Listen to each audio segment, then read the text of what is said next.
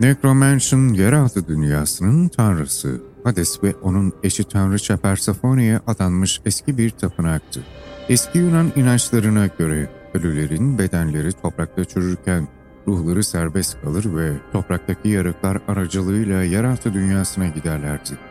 Ölülerin ruhlarını gelecekten haber vermek gücü de dahil olmak üzere yaşayanların sahip olmadığı yeteneklere sahip olduğu söylenirdi. Bu nedenle yeraltı dünyasına giriş olduğu düşünülen yerlerdi. Kehanetler almak amacıyla nekromansi yani ölülerle iletişim uygulamak için tapınaklar inşa edilmiştir. Panaeron'daki Poseidon Tapınağı'nın yanı sıra Hermione, Kumayi ve Heraklia'daki tapınaklar gibi diğer tapınaklar da büyücülük yapıldığı bilinmekle birlikte Epirus'taki Necromantion bunların en ünlüsüydü. Necromantion'ı ölüler kahini, Hades diyarındaki beş nehirden üçünün Acheron, Periflegeton ve Cocytus buluşma noktasında yer aldığı söylenirdi. Bu alanın Yunan arkeolog Sotirios Dakaris tarafından 1960'larda Epirus'ta keşfedildiğine inanılmaktadır. Necromantion'dan birçok antik yazar bahsetmiştir. Örneğin Homeros'un Odesyası'nda kahraman Odysseus, evi İtaka'ya dönmenin yolunu bulmak için kör kahin Chrysias'ın ruhunu aramak üzere Necromantion aracılığıyla yeraltı dünyasına girer. Necromantion'dan Herodot'un tarihlerinde de bahsedilir. Herodot, Korintli Tiran, Periander'in öyküsünü anlatır. Bu hikayeye göre Tiran kısa süre önce ölen karısı Melissa'nın ruhuyla iletişim kurmak ve böylece belli bir miktar parayı sakladığı yeri öğrenmek istemiştir. Periander'in temsilcileri ona danıştığında Melissa'nın ruhu öldüğünde giysileri yakılmadığı için yeraltı dünyasında çok üşüdüğü gerekçesiyle saklı paranın yerini söylemeyi reddetmiştir. Kimliğini kanıtlamak için sadece Periander'in bildiği bir şeyden bahseder. Mesela ekmekleri soğuk bir fırına koymuştur. Bu şifreli mesaj aslında Tira'nın karısının cesediyle cinsel ilişkiye girdiği anlamına geliyordu.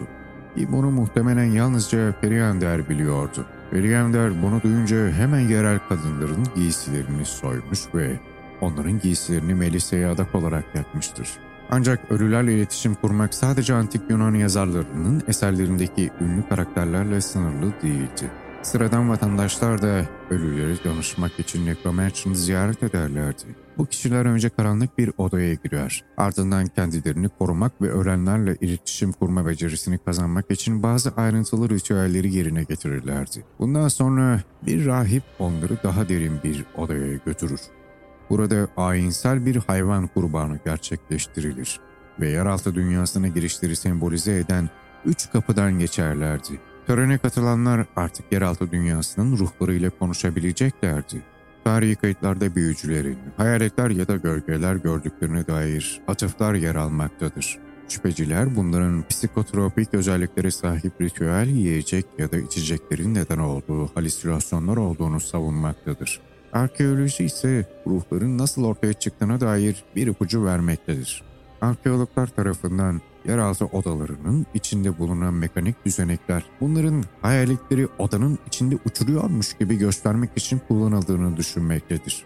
M.Ö. 167 yılında Necromantion Romalılar tarafından yağmalanmış ve hasar görmüştür. Alan ancak 18. yüzyılda vaftizci Aziz John'a adanmış bir manastır inşa edildiğinde yeniden kullanılmaya başlamıştır. 1960'larda yapılan bir arkeolojik keşif gezisi buranın Necromancer'ın bulunduğu yer olduğu sonucuna varmıştır ancak yakın zamanda yapılan bir çalışma bu iddiaya karşı çıkmış.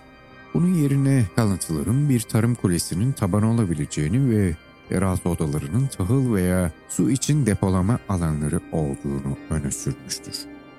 Kirke'nin yazısında Necromancer, Kadim Ölüler Tapınağı